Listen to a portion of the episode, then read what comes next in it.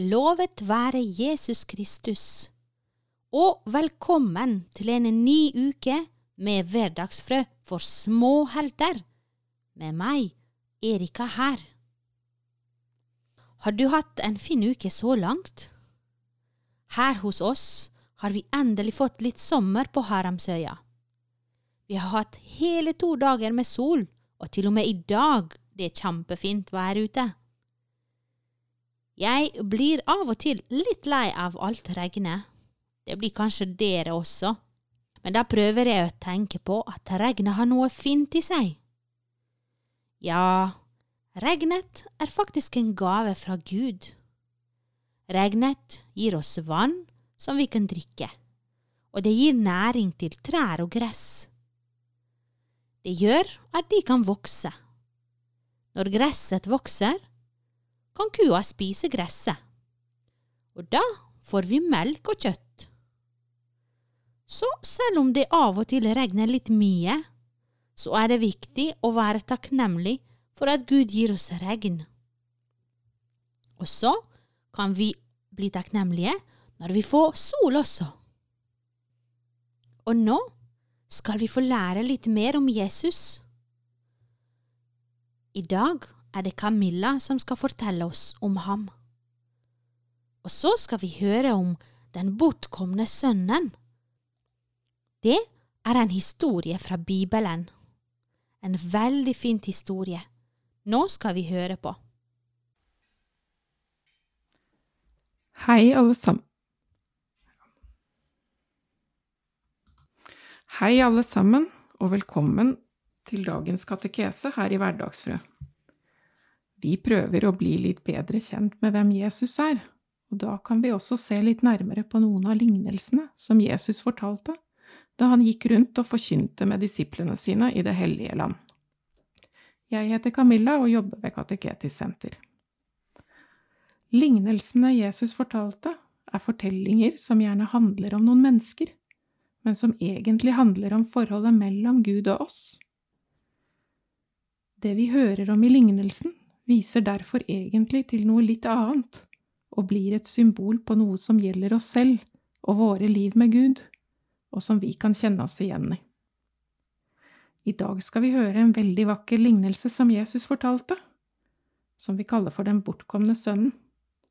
Som lignelser flest handler den altså om forholdet mellom Gud og oss mennesker.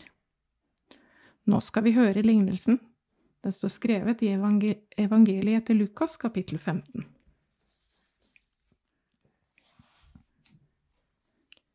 Jesus sa, En mann hadde to sønner. Den yngste sa til faren, Far, gi meg den delen av formuen som faller på meg. Han skiftet da sin eiendom mellom dem. Ikke mange dager etter solgte den yngste sønnen alt sitt og dro til et land langt borte. Der sløste han bort formuen sin i et vilt liv. Men da han hadde satt alt over styr, kom det en svær hungersnød over landet, og han begynte å lide nød. Da gikk han og søkte tilhold hos en av innbyggerne der i landet, og mannen sendte han ut på markene sine for å gjete svin. Han ønsket bare å få mette seg med de belgfruktene som grisene åt, og ingen ga ham noe. Da han kom til seg selv, sa han, Hvor mange leiekarer hjemme hos min far har ikke mat i overflod, mens jeg går her og sulter i hjel? Jeg vil bryte opp og gå til min far og si, Far, jeg har syndet mot himmelen og mot deg, jeg fortjener ikke lenger å være din sønn, men la meg få være som en av leiekarene dine. Dermed brøt han opp og dro hjem til faren. Da han ennå var langt borte, fikk faren se han, og han fikk inderlig medfølelse med han. Han løp sønnen i møte og kastet seg om halsen på han og kysset han. Sønnen sa, Far, jeg har syndet mot himmelen og mot deg, jeg fortjener ikke lenger å være din sønn. Men faren sa til tjenerne sine, Skynd dere, finn fram de fineste klærne og ta dem på han Gi han ring på fingeren og sko på føttene, og hent gjøkalven og slakt den, så vil vi spise og holde fest. For denne sønnen min var død og er blitt levende. Han var kommet bort og er funnet igjen. Og så begynte festen og gleden.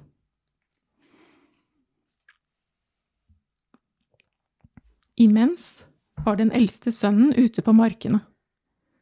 Da han gikk hjemover og nærmet seg gården, hørte han spill og dans. Han ropte på en av karene og spurte hva som var på ferde. Din bror er kommet hjem, svarte han, og din far har slaktet gjøkalven, fordi han har fått han tilbake i god behold. Da ble han sint og ville ikke gå inn. Faren kom ut og prøvde å overtale han. Men han svarte faren, Her har jeg tjent deg i alle år, og aldri har jeg gjort imot ditt bud. Men meg har du ikke engang gitt et kje, så jeg kunne holde fest med vennene mine. Men straks denne sønnen din kommer hjem, han som har sløst bort pengene dine sammen med horer, da slakter du gjøkalven for han. Faren sa til han, Barnet mitt, du er alltid hos meg, og alt mitt er ditt. Men nå må vi holde fest og være glade, for denne broren din var død og er blitt levende. Han var kommet bort og er funnet igjen. Slik lyder Herrens ord. Du har kanskje hørt slike ting som at Jesus var så radikal. Det betyr at han sa og gjorde ting som var overraskende og til og med sjokkerende på en del mennesker som hørte det. På Jesu tid var det, som, var det mange mennesker som fokuserte på bestemte sider av Gud og var stivnet i sine bilder av Gud. Stivnet i sine egne liv og forestillinger om seg selv var de også. De var blitt regel- og rutinemennesker. De var sikre på at det var det beste de kunne være, og at de var rettvise, og at Gud syntes godt om dem, men at han fordømmer mennesker som har brutt reglene og vært uskikkelige. I denne lignelsen representerer de to sønnene to ulike typer mennesker, mens faren i lignelsen er et symbol på Gud. Det mest sjokkerende i denne lignelsen til Jesus, hvis man forsto hva det var han faktisk sa, er at han påstår at Gud elsker alle mennesker like mye uansett, og at han tilgir fullt ut alle syndere, og at han har tillit til syndere som ber om tilgivelse. Han holder ikke fast på deres onde gjerninger, og han straffer dem ikke for det. Jesus tegner et ganske overraskende og radikalt bilde av Gud her. Er Gud en såpass dumsnill type? Eier han ingen rettferdssans? Er han blottet for all dømmekraft? Og hva for en gud er han da? I lignelsen hører vi at den eldste sønnen, han som alltid hadde vært grei og gjort det han skulle og hjalp til hjemme på gården hver dag, ble bitter på faren sin fordi han tilga sønnen som hadde syndet, og tok imot ham med kjærlighet og gode gaver.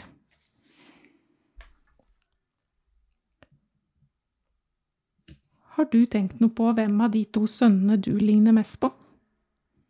Mange av oss ligner nok kanskje litt på begge to, hvis vi ser på alle de ulike delene av våre liv. Mange er opptatt av å være greie folk, gjøre det man skal og det som forventes av oss. Men for mange hender det også i løpet av livet at de gjør feil, dumme og dårlige ting. Det kan fort få negative konsekvenser for den som gjør det, og andre rundt dem. Da er det bra at det finnes mulighet for å si unnskyld og be andre om tilgivelse, og så si unnskyld til Gud også i skriftemålet, som er et av kirkens sakramenter. Men det mange ikke tenker på, som Jesus kom inn på i denne lignelsen, er at når man bare er snill og grei og gjør det man skal, slik som den eldste sønnen, trenger vi likevel også tilgivelse for det. Og det hadde ikke den eldste sønnen tenkt over i det hele tatt. Han gikk ut ifra at han var sin fars beste barn. Gud har skapt alle mennesker, han er like glad i alle, og han har et kall til hver enkelt som han vil at vi tar imot i kjærlighet. Og det er et kall om å møte alle mennesker med den samme kjærligheten som han gir oss. Gud vil at vi skal leve et rikt liv i dette kallet, hver dag i fellesskapet med menneskene rundt oss. Og det gjør vi ikke nødvendigvis bare ved å la være å oppføre oss dårlig, slik den yngste sønnen gjorde da han dro ut i verden og festet vilt. Å bare pliktoppfyllende følge alle regler og være grei er heller ikke nødvendigvis å følge det kallet vi har fått fra Gud.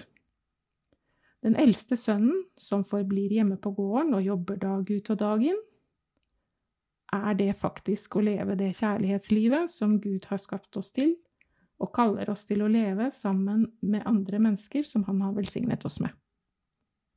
Vi må spørre oss om det.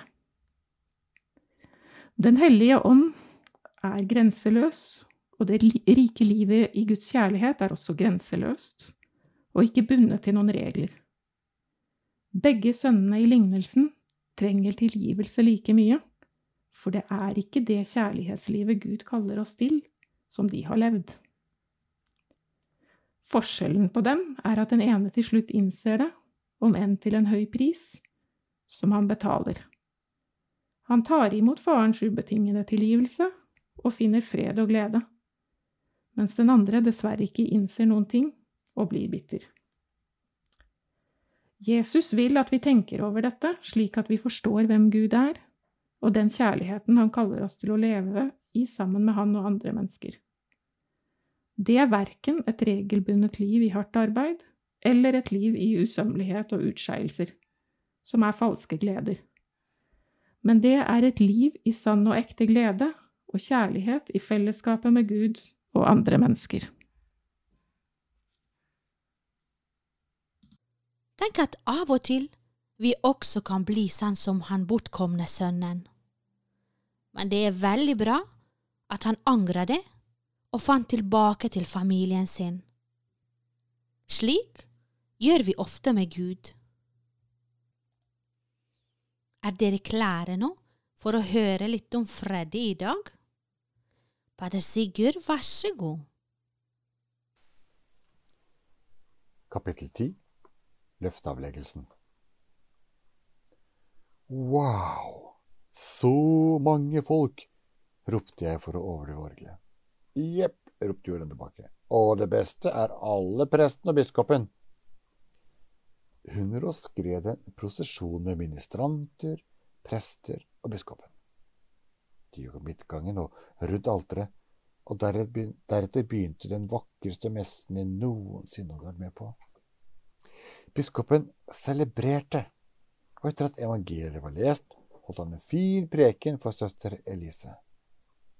Alle lyttet stille, og for ikke å forstyrre satt Jordan og jeg tett sammen og hvisket. Å, så veldig, veldig mange forskjellige søstre og brødre, mumlet jeg og pekte ned på de ulike draktene. Jordan visste tydeligvis mye mer om dette enn meg. Han forklarte at drakten ofte viste når historien de forskjellige klostrene var blitt til, og hvem som hadde stiftet dem. Dessuten, sa Jordan, er også noen av dem som er kledd i helt vanlige klær, søstre og brødre. Jordan pekte på en dame. Ser du det store korset rundt halsen hennes? Damen ved siden av henne har samme kors. Korset er på en måte drakten deres, et kjennetegn. Det viser at de tilhører samme gruppe, og at de har gitt livet til Gud. Nå var biskopen ferdig med prekten sin og søster Elise kom frem og la seg ned på gulvet. Alle andre knelte på plassene sine. Koret satt i å synge, og alle kirken svarte. Det er allehelgenslitaniet, hvisket Jordan. Jeg hørte hvordan koret sang helgenenes navn, og at folk i kirken svarte Be for oss etter hvert navn.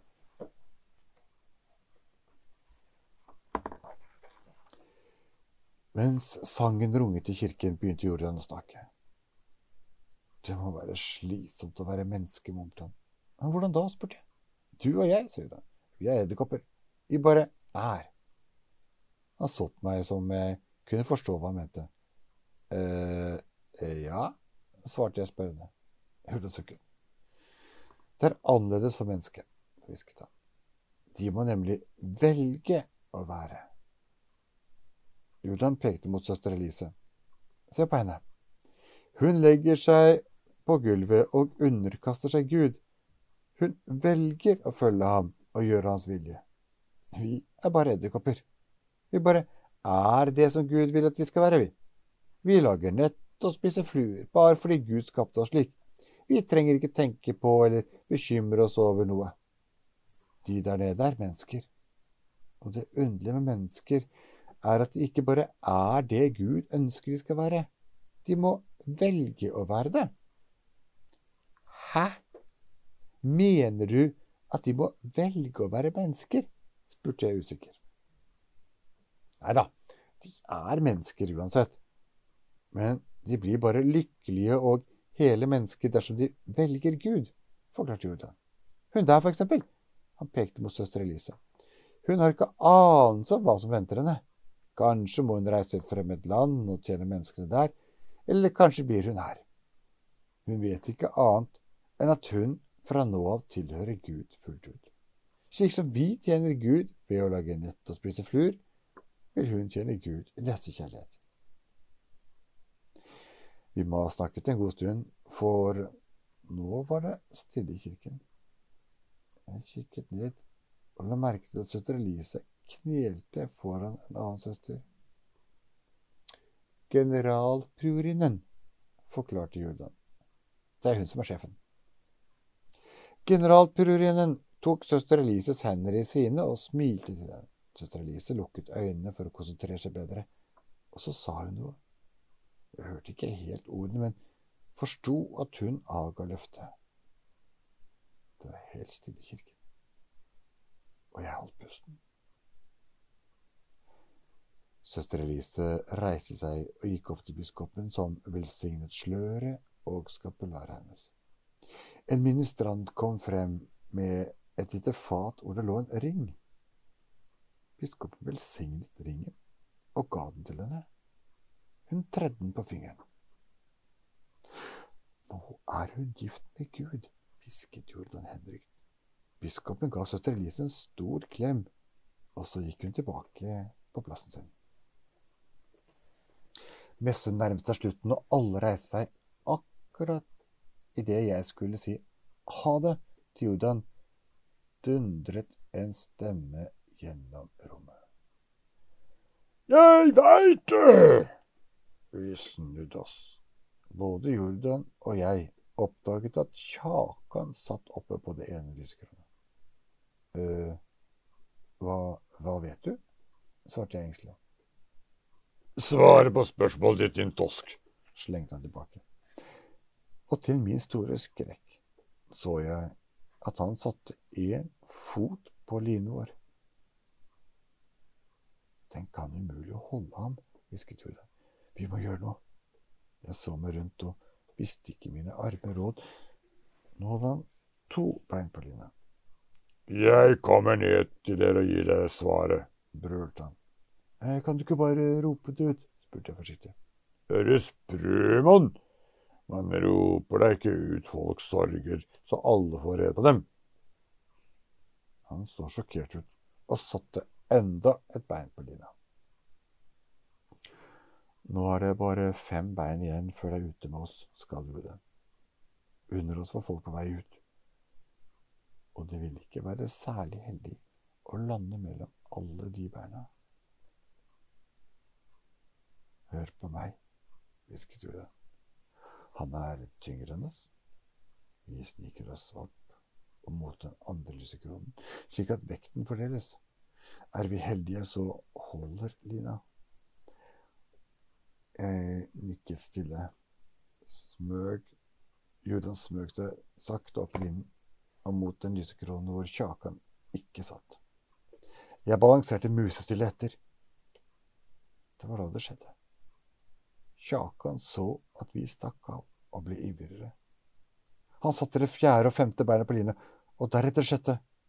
Han sperret opp øynene idet han glapp taket med de to siste beina som sto på lysekronen, og så for han nedover lina i et enormt tempo. Jordan skrek, jeg skrek, Kjakan skrek, og lina røyk. Jordan, som var kommet lenger opp på linjen enn meg, klarte å holde seg fast til den ene enden og ble kastet mot lysekronen. Der ble han hengende fast. Selv ramlet jeg lenger og lenger ned med den andre enden av linen. Jeg forsøkte febrilsk å holde meg fast, men kjakan kom ramlende mot meg i en så heidundrende fart at pang! Vi krasjet og stupte nedover mot folkemengden. Før vi visste ordet av det, landet vi i håret på broder Yngve. Jeg holdt pusten i håp om at han ikke merket oss, men det gjorde Kjakan. Han kravlet seg målbevisst gjennom håret og nærmet seg meg. Jeg merket at broder Yngve stivnet til og tok seg til håret forsiktig. Kjakan en stikke.